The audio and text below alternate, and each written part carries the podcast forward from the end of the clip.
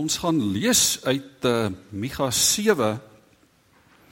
Ek het aanvanklik gedink om net net die eerste uh, klompie verse te lees en dan die laaste 4 verse. Maar ter wille van um, om die om die hele prentjie te hoor en en te verstaan en dit sluit ook aan by die prediking gaan ek die hele hoofstuk lees, maar ek wil dit lees uit die uit die boodskap uh weergawe uit. Ons weet die boodskap is nie 'n direkte vertaling nie, is nie direk uit die Hebreëus en uit die Grieks uit vertaal nie, maar dis 'n dis vir my 'n goeie en 'n aktuële weergawe van dit wat die teks ook sê en julle is welkom. Dit sal goed wees om dit te volg in julle eie Bybels of op die skerm in die uh in die 3 dis die 83 vertaling wat ons op die skerm sien. Ek lees dit hier uit die boodskap vers 1 van uh Micha 7. Dit gaan nie goed met my nie. Ek voel soos iemand in 'n vrugteboord nadat die oes alreeds bymekaar gemaak is. Daar het nie eens vir my 'n trossie druiwe of 'n enkele vy oorgebly om my honger weg te vat nie. So gaan dit in die land ook. Daar is nie meer mense wat in die Here glo nie. 'n Mens kry ook nie meer eerlike mense nie. Om die waarheid te sê, hulle bedrieg en vermoor hulle eie mense soos niks. Hulle is goed geskool in die kuns om verkeerde dinge te doen. Die ministers en die regters verwag omkoopgeld vir gunsies. Hulle is kop in een mis met mense in belangrike posisies wat maar net kan sê wat hulle graag wil hê en dan gebeur dit so. Die bestes onder hierdie klomp bedrieërs is erger as 'n gifplant of selfs 'n bos met gevaarlike dorings. 'n Mens kan hulle dood eenvoudig nie vertrou nie. Maar dit moet hulle weet. Die dag wanneer die Here hulle gaan begin straf is baie naby. Chaos gaan dan losbreek. Moet niemand vertrou nie nie eers jou man of jou vrou of selfs jou beste vriend nie. Tel jou woorde. Dit sal sleg gaan tussen die ouers, kinders en skoonouers. Die seuns dink hulle paas is dom. Die meisies en skoondogters is opstandig teen hulle maas en skoonmaas. Jy hoef nie eers ver te soek vir jou vyand nie. Hy is sommer in jou huis. Ek het besluit ek sal my hulp by die Here soek. Ek sal geduldig wag tot hy besluit dis nou die tyd om my te red. Verder weet ek die Here sal my gebed beantwoord. Ons is nou by vers 8. Micha het namens Israel gepraat en gesê ons vyande kry verniet so lekker omdat ons so swaar kry. Dit is sodat ons geval het, maar ons sal weer opstaan. Dit voel vir ons of ons in die donker te sit, maar ons weet Die Here sal vir ons soos 'n lig wees. Ons het verkeerde dinge gedoen. Die Here het nie daarvan gehou nie. Ons moet daarom doodgewoon ons straf vat. Maar as dit eers verby is, sal die Here sorg dat dinge weer vir ons regloop. Dit sal vir ons voel of hy ons uit die donker te bring na die lig toe. Ons sal weet dit is die Here wat ons laat wen teen ons vyande. Ons vyande het gespot en gesê: "Waar is die Here julle God?" Hy is weg. As ons vyande sien hoe die Here ons laat wen, sal hulle baie skaam kry oor hulle astrante houding. Ons sal lekker kry as hulle verneder word. Hulle sal soos modder wees wat in die strate lê en waarop mense trap. Daar gaan 'n tyd vir Israel kom om hulle stede weer reg te maak nadat die vyande dit verniel het. Hulle gaan dan ook hulle grense uitskuif en so meer grond kry. Wanneer hierdie tyd aanbreek wat Israel verwag, sal mense van oral na hulle toe kom. Hulle sal van Assirië, Egipte in die gebied by die Efraat afkom. Verder sal hulle ook van die verste see en die verste berge afkom.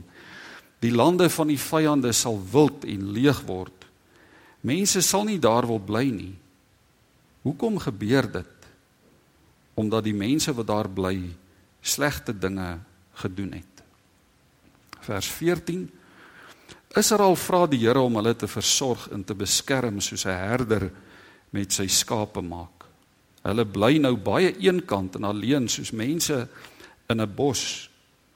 Rondom hulle is die grond baie vrugbaar. Hulle wens dat die Here hulle sal toelaat om weer hierdie grond te gebruik waar alles so goed groei en groen is. Jare terug het hulle dit gedoen. Hulle vra dat die Here hulle weer op sulke wonderlike maniere sal help soos hy in Egipte vir hulle gedoen het. Toe het hy gesorg dat hulle nie langer slawe sou wees nie. Die volke van die wêreld sal stom van verbasing wees oor wat die Here vir sy mense doen. Hulle sal skaam wees omdat hulle eie krag skielik na niks lyk nie. As hulle kyk na wat die Here doen, hulle sal hulle monde in hulle ore toedruk van skok. Hulle sal dan weet dat hulle nie veel werd is nie. Hulle sal wees soos slange wat laag op die grond seil. Hulle sal bang en bewerig uit hulle lêplekke kom omdat hulle weet die Here is daar. En dan vers 18. Daar is nie nog 'n God soos die Here nie. Hy vergewe die mense van Israel wat oor is vir alles wat hulle verkeerd gedoen het. Hy bly nie vir altyd kwaad nie. Hy wys vir sy mense dat hy vir hulle lief is. Hy sal ons weer jammer kry. Al die verkeerde dinge wat ons gedoen het, sal hy onder sy voete vertrap. Hy sal nog meer as dit doen.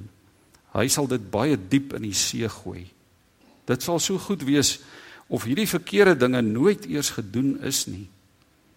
Lank terug in die verlede het die Here aan Abraham en sy nageslag beloof dat hy altyd vir hulle sal sorg. Hulle sal ook altyd weet dat hy vir hulle lief is. Net tot sover. Broers en susters, dis 'n dis 'n aangrypende gedeelte, aangrypende boek om te lees al die klein profete. Ehm um, u kan gerus die hele Micha gaan lees in in in die stilte tyd hierdie week wat kom en en dan sal dit ook goed wees om die boek Klaagliedere saam met die boek Micha te lees. 'n Wonderlike perspektiewe wat ons kry in die in die boek Klaagliedere. Ek wil begin met 'n met 'n vraag wat miskien gaan klink na na 'n baie geuite vraag. Miskien klink dit half onnodig om so 'n vraag te vra. Ek wil eenvoudig vanoggend vra en ons het al in die verlede dit dit 'n paar keer vir mekaar gevra. Hoe lyk die wêreld waarvan ons deel is. Ek hoef nie vanoggend vir jou te vertel hoe die wêreld lyk nie. Ek hoef nie vir jou prentjies te te teken of of beelde of prentjies te wys van hoe die hoe die wêreld weet, hoe die wêreld lyk nie. Jy weet dit. Jy sien dit elke dag waar jy lewe. Jy hoor dit, jy beleef dit ook aan jou eie lyf. Kom ons sê maar vir mekaar, dis 'n wrede wêreld. Dis 'n deurmekaar wêreld. Dis 'n onregverdige wêreld. Dis 'n besoedelde wêreld, dis 'n stikkende wêreld, dis 'n siek wêreld. Dis 'n seer wêreld. Dis 'n erg getraumatiseerde wêreld. En ons kan onsself nie losmaak van van hierdie wêreld nie. Ons is deel daarvan. Ons leef ehm um, sê iemand nou die dag ook in 'n in 'n tegno-kommunikatiewe wêreld. Dit beteken dat tegnologie en al die moderne kommunikasiemiddels wat deel is van ons lewe bring die wêreld na ons toe. Goeters gebeur op ver plekke in ander lande En ons word oor afstande feitelik onmiddellik getraumatiseer deur dit wat in die wêreld gebeur. So tydjie terug herinner ek my was daar die geval van die kinders, die Taiwanese kinders wat in die grot vasgekeer was. In vir vir weke lank het ons dit aandagtig dopgehou. Dit het ons dit het ons aangeraak en aangegryp. Duisende mense sterf van Haiti in vloedgolwe en tsunami geweld en dit gryp ons aan. Dinge gebeur dwars oor die wêreld en ons neem onmiddellik daar daarvan kennis. Dit vang ons lewens vas. Ek dink ver oggend is daar baie meer mense as wat ons dalk sal wil erken wat regtig meer as moeg en moedeloos is. Baie meer mense in hierdie wêreld, ook baie Christene. Kom ons dink maar net aan 'n paar goed. Ons kan 'n klomp goed noem. Ek ek dink net die net die noem van die EFF leier se naam wek al by ons allerlei soorte emosies op, nê. Nee. Emosies wat ons nou nie noodwendig nou met mekaar gaan deel nie. Jy jy hoor van brandstofpryse wat net eskaleer. Jy jy hoor van grondonteiening. Ons praat daaroor korrupsie. Jy hoor van transito rooftogte en dit gryp jou aan. En dan is daar ook die die sogenaamde fopnuus. Dis nogal 'n nuwe woord wat ook in die in die in die nuwe Afrikaanse woordeboeke opgeneem is. Fopnuus. Ehm um, wat na ons toe kom en wat ons noodgedwonge hoor en wat ons baie keer oorvertel asof dit die asof dit die waarheid is. Dit versprei soos 'n veldbrand. Almal aanvaar dit as die waarheid. Dit voel baie keer vir my dat dat Facebook en Twitter en WhatsApp meer gesag het as die woord van God. Dat ons meer aandagtig luister na dit wat na ons toe kom via Facebook en WhatsApp as na die woord van God. Ek wil amper vanoggend vra steek julle hande op die wat al boodskappe gekry het op WhatsApp of iewers op 'n ander op 'n ander ehm um, 'n uh, medium wat jy na die tyd ontdek het glad nie die waarheid is nie. Ek dink ons gaan almal ons hande kan kan opsteek of wat 'n bietjie aangedik is en groter gemaak is as wat dit veronderstel is om te wees. En al hierdie goeders laat laat ons emosies wiplank ry. Ons weet nie altyd wat om te glo en wat om nie te glo nie. Ons weet nie wat om ernstig op te vat en wat om maar liewerster te laat gaan nie. Dis deel van ons lewe. Misdaad kom sit in jou eie huis. Ons lees dit, ons hoor dit ook hier in Micha. Geweld kom sit in jou eie huis. Hartseer kom sit in jou eie huis trauma kom sit in jou eie huis. Baie word word blootgestel ook aan aan misdaad en geweld waar hulle dit dalk die minste verwag. Ons lees van rowers wat toeslaan by 'n kerkbazaar. Ons lees van rowers wat toeslaan by 'n troue waar gaste lekker gesels en gesellig kuier en lag. Wat toeslaan waar 'n klompie boere besig is om vleis te braai. Um 'n week of wat terug in die in die Kaap. Daar's soveel voorbeelde waarna ons kan dink. En iemand sê ons as gelowiges leef in die, in hierdie skitsofreniese wêreld. Aan die een kant is daar al hierdie negatiewe goed, al hierdie dramatiese goed waaroor ons genoeg rede het om ons te ontstel. En aan die ander kant is daar ons geloof. Ons geloof wat vir ons soveel hoop gee en wat vir ons moed gee. Dis altyd hierdie diskrepansie, hierdie twee uiterstes. Aan die een kant die die soveel ontstellende dinge, aan die ander kant ons geloof wat hoop en moed gee.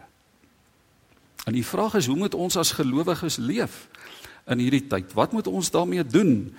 Um, hoe gaan jy en ek hoopvol in gelowig lewe en ook oorleef?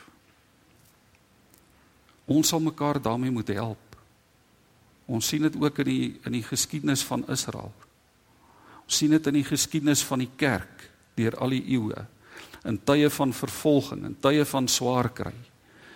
In tye van van moedeloos raak en moeg voel. Ons sal mekaar daarmee moet help of nog beter God God in sy groot genade sal ons daarmee moet help. Hy sal ons moet help om mekaar te help. Hoe het Micha se wêreld gelyk? Miskien is dit goed om bietjie daaroor te dink en daarna te kyk. Vanoggend ook. Uh, Micha profeteer in die in die 8ste eeu voor Christus. Dis so 2700 jaar gelede. In Micha se gemeente was die was die gebiede Samaria in die noorde en Judea in die suide. Dis so 'n bietjie groter as die Kreerwiltuin. Nogal 'n groterige gemeente wat Micha bedien het. En aanvanklik in die eerste helfte van die 8ste eeu voor Christus het het dit goed gegaan in Samaria en Judea. Daar was vrede. Daar was vooruitgang polities en ekonomies gewys. Daar was stabiliteit wat betref hulle grondgebied. 'n uh, Belangrike handelsroetes was goed gevestig. Dit het regtig met hulle goed ge goed gegaan. Daar was vrede tussen die noorde en die suide. En Samaria en Judea se bure was so besig met hulle eie moeilikheid dat hulle nie regtig vir die volk van God vir Micha se gemeente 'n bedreiging was nie. En toe tussen 740 en 730 voor Christus het dinge dramaties begin verander. Samaria en Judea albei het alliansies begin vorm met die heidense bure en die heidense volke rondom hulle. Ooreenkomste begin vorm. En dit het 'n sneeubal effek gehad. Dit het gelei tot inmenging in Judea en Samaria se huishoudelike sake. Dit het gelei tot um swaar en hoë belastings in hulle godsdiens op die markplein, in hulle gemeenskapslewe, in hulle verhoudinge met mekaar, hulle verhouding met God, te dinge begin skeefloop. Hulle word al meer ontrou aan die Here, aan Jahwe hulle God. Profete soos Hosea en en Amos en Micha en Joël en Jesaja ook het in daai tyd opgestaan en die volk opgeroep, aangespreek om om om te draai, om terug te draai na die Here toe. In teen ongeveer 720 voor Christus word die noordryk Samaria deur die Assiriërs verower en feitelik heeltemal vernietig. Die stede en die dorpe word platgevee met die aarde. Dit word verwoes. Micha verloor die grootste deel van sy gemeente toe toe 10 van die 12 stamme letterlik uitgewis word. Ook die stad Lagos die ekonomiese hoofstad in die suide is vernietig. Alles word een groot tragedie. In 'n kwessie van 10 of selfs minder as 10 jaar. 'n Hartseer pikswart donker tyd in Israel se geskiedenis. Um in in die ou muurpanele, daar is ou muurpanele uit die uit die antieke Assiriese tyd in die stad Ninive. En uit daai ou muurpanele is dit tot vandag toe duidelik hoe geweldig wreed die Assiriërs was en opgetree teenoor die Jode. Hoe hulle die Jode se se koppe afgekap het en die Assiriese soldate met met die Jode se koppe in hulle hande eenvoudig net voort gemarseer het. Hoe die hoe die Jode van van agteraf met skerp pale deurboor is in die pale dan in die grond ingeplant is. Onmenslike wreedheid.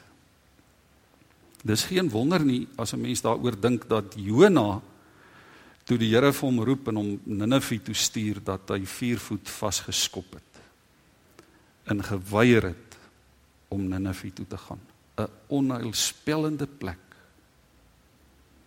met wrede moordlustige mense ek het so 'n paar van die uh foto's saamgebring en um Piet gaan dit vir ons wys en terwyl ons dit sien Uh kom ons dink ook oor ons eie situasie. Kom ons leef onsself dalk in die fotos in. Broers en susters, so in in Micha ontmoet ons hierdie hierdie erg getraumatiseerde gemeenskap in in hulle nood roep hulle uit tot God. Ons hoor daardie noodroep ook 1 hoofstuk 7 in in die in die hoofstukke vooraf. Dis 'n dis 'n groep mense wat wat by die Here wil weet wat moet hulle doen sodat dit weer met hulle goed kan gaan. Hulle roep tot God.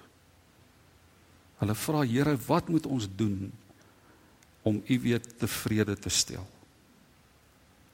En weet jy ek ek wil dit waag om om te sê, miskien kon ons nou vir mekaar gevra het, waaraan dink jy? Wat wat maak hierdie hierdie prente by jou wakker? Ehm um, afbeeldings wat 2700 jaar kom ons sê 2000 jaar plus terug gemaak is. Wat maak dit by jou wakker? Ek wil dit waag om te sê ons wêreld lyk vandag nie veel anders nie. Ons land lyk dieselfde. Ek wil so ver gaan om te sê die kerk lyk dieselfde. Ons kan ver oggend uitroep wat het geword van loyale goedheid? Want dis een van die van die kerntemas in die boek Micha. Die loyale goedheid van God. God wat in oorvloed gee, God se genade wat so groot is, God wat sorg, God wat voorsien in die mens wat eenvoudig net sy rug op God draai. God wat aan die mens ook die vermoë gee en vir ons roep om hierdie loyale goedheid met mekaar te deel, om dit te leef onder mekaar in die wêreld waarin ons waarvan ons deel is. En dan gebeur dit nie. Wat het geword van loyale goedheid? Is daar nog iets iets soos loyale goedheid in hierdie wêreld en hierdie land waarvan ons deel is? Verhoudings tussen mense is stikkend. Die gemeenskap is uitmekaar uitgeskeur. Daar's oral verval. En ons kan so ver gaan om te sê maar ons is almal skuldig Daar's min verhoudinge op hierdie aarde wat ver oggend volkome heel is. Ons kan amper sê geen enkele verhouding op aarde is heel nie. Geen enkele plek op aarde het met die karakter van hierdie loyale goedheid nie. Micha soek na 'n regverdige mens en hy roep uit ek kry nêrens 'n regverdige mens nie. Ek kry nêrens iemand nie. Die wêreld is op sy kop gekeer. Ons land, ons dorp, ons gemeente dalk is ver van wat dit moet wees. En die rede is ons vers, ons stikkende verhouding met God. Die mens se stikkende verhouding met God. En nou is die vraag waarin lê ons hoop? Want God wil vir ons hoop gee. Waar en hoe kry ons hierdie loyale goedheid? Waar kry ons weer lojaliteit in hierdie wêreld? In ons omstandighede. Waar kry ons goedheid? Waar kry ons getrouheid? Waar en hoe kry ons toewyding? Waarin lê ons hoop? Ons kry dit net by die Here. Net by die Here alleen. Ons hoop is in sy genade. Ons hoop is in sy liefde. Ons hoop is in sy vergifnis, in sy geregtigheid en regverdigheid. Ons kry dit net by hom. Ons kan ver oggend baie dinge bid. Ons kan ver oggend bid vir vir 'n regering, vir 'n president met integriteit. En dit is goed, dis belangrik, dis dis reg, dis nodig. Dit bring vir ons hoop. Ons kan vanoggend bid vir 'n gunstige ekonomie. Ons kan bid dat armoede armoede gaan gaan afneem. Ons kan bid dat werk werkloosheid gaan afneem. dat daar toename gaan wees in werksgeleenthede. Dis alles goed en reg en nodig. Dit bring vir ons hoop. Ons kan ver oggend bid vir 'n dramatiese afname in misdaad, vir goeie verhoudinge. Ons kan bid vir medemenslikheid. Dis goed en reg en belangrik. Dit bring vir ons hoop. Maar die wêreld gaan nie verander sonder God nie. Wêreld gaan nie verander sonder God nie. As mense nie tot bekering kom nie, as mense nie begin vashou aan God se loyale goedheid nie, as die woord van God nie weer vir ons die eerste prioriteit in ons lewe word nie, dan gaan niks verander nie. Inteendeel. Dit gaan net erger word. Dit gaan net erger word. As gelowiges moet moet jy en ek dit begin leef. Ons moet dit vir mekaar begin sê. God is lojaal en goed. Ons moet na daai lojaliteit en daai goedheid streef en soek. Daarna smag in 'n verhouding met God sodat ons dit kan beleef en dit ook kan uitdeel. Geregtigheid, genade, vergifnis, deernis, omgee, liefde alles wat deel is van God en van sy karakter waarmee hy vir ons wil seën. Broers en susters, 2700 jaar gelede skryf Micha hierdie klaaglied oor 'n oor 'n siek samelewing. Eintlik is dit 'n klag, is 'n aanklag ook teen sy eie mense. En nou is die vraag, wat doen gelowiges Wat doen jy en ek as as ons soos Micha en sy mense so diep diep in die moeilikheid is? Hoe kom 'n mens weer daar uit? En en dit lê dit lê baie keer op 'n persoonlike vlak. Ek weet hier's hier's 'n klomp ouens wat ver oggend kan opstaan en hier voor die gemeente kan kom staan en dit ook al gedoen het en gesê het God het my opgetel ek het God se loyale goedheid beleef en dit ervaar. Dis deel van my lewe. Ek wil dit uitleef, ek wil dit deel. Ek wil dit weggee. Want ek word so volgemaak daardeur. Ek weet hier's baie van ons. Van die goed lê diep persoonlik. En God wil vir ons daai oorwinning gee. Maar wat doen ons as ons so diep in die moeilikheid is? Micha roep 'n klomp goed. Ons kan 'n preek maak of 10 oor elkeen van hulle. Micha roep vertrou opnuut op die Here. Verbind jouself opnuut aan die Here. Maak 'n evaluering van jou verhouding met die Here. Van waar jy op hierdie stadium in jou geestelike lewe is. Vertrou opnuut op God en dan sê Micha bid. Bid soos nog nooit tevore nie. Wy jou toon jou gebedslewe aan God. Micha Micha roep en sê leef soos 'n vergeefde en as 'n vergeefde, lewe vry. Ontvang God se vergifnis, aanvaar dit elke dag van jou lewe. Maar gee dit ook.